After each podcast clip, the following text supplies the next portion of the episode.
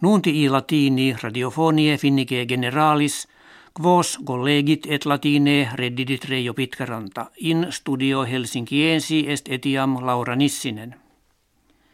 Hodie sive postridie nonas decembres finni anniversarium libertatis sue nona gesimum sextum cerimoniis consuetis egerunt, in quibus officia divina pompe militares candeletam publice quam privatim accense.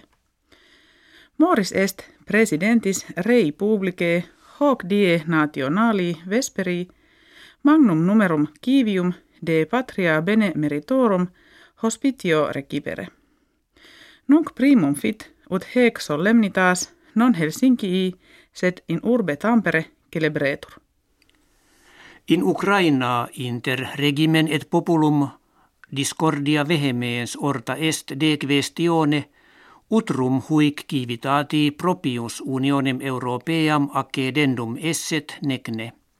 Res ad tumultus violentos venit, cum presidens Viktor Janukovic recusa visset quominus ulle pactioni cum unione europea faciende subscriberet.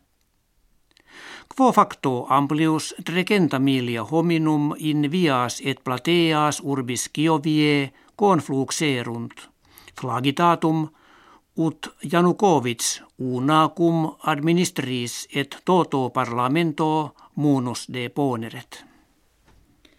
Inter primores civitatis Coree septentrionalis kertamen potestatis eru pisse videtur. Dictur enim Yang Song Thaek avunculus summi ducis Kim Jong-un et dignitate ab eo secundus omni auctoritate privatus esse. Fama est etiam de aliquot adjutoribus eius supplicium sumptum esse. Nemo jam dubitat quin regimen in duas partes emulantes divisum sit. Calamitas nuclearis Kve anno millesimo nongentesimo octogesimo sexto Chernobyli accidit, nullam vim ad morbos cancrosos in finnia natos habuisse videtur. Quod patet ex investigatione amplissima nuperime divulgata, constat ex radiatione nucleari plerumque sequivi, ut periculum leukemie, cancri glandulae tyreoidee, carcinomatis mamme augeatur. Nequetamen morbi huius generis infinia postcladem Chernobylensem increpruerunt. Magnus Carlsen Juvenis Norvegus viginti duos annos natus, principatum ludi regii mundanum consecutus est. Is enim postquam incertamen de gloria huius artis, cum adversario vis vanatan anand, venit, victoriam ab eo cum discrimine triumpunctorum reportavit.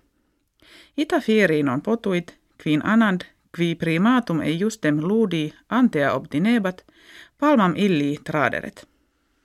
Mesis november in Finnia hoc anno et meteor et magis pluvius fuit quam fiericos svevit.